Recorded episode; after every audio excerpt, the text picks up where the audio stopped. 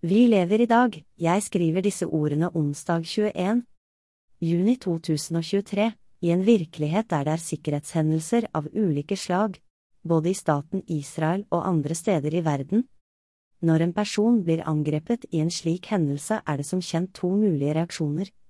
Det ene er selvfølgelig å slite med angriperne, og det andre er å stikke av bortsett fra at når det gjelder en funksjonshemmet person som befinner seg i slik en situasjon, bindestrek, svært ofte er ingen av disse to reaksjonene mulig bindestrek, og dermed skapes en dødsfelle. Og dessuten, for mange funksjonshemmede tillater ikke den fysiske funksjonshemmingen den som lider av funksjonshemmingen å holde en pistol for selvforsvar.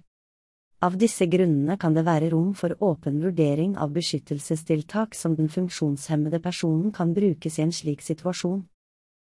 Og under forutsetning av at et slikt beskyttelsestiltak, hvis og når det utvikles, også kan bli misbrukt av noen av de funksjonshemmede, fordi, i motsetning til de aksepterte stigmaene, er en funksjonshemmet person ikke alltid fattig eller en god person, bør man også tenke på å etablere kriterier for hvilke funksjonshemmede som vil ha rett til å motta eller bruke slike beskyttelsestiltak, og hvilke vilkår.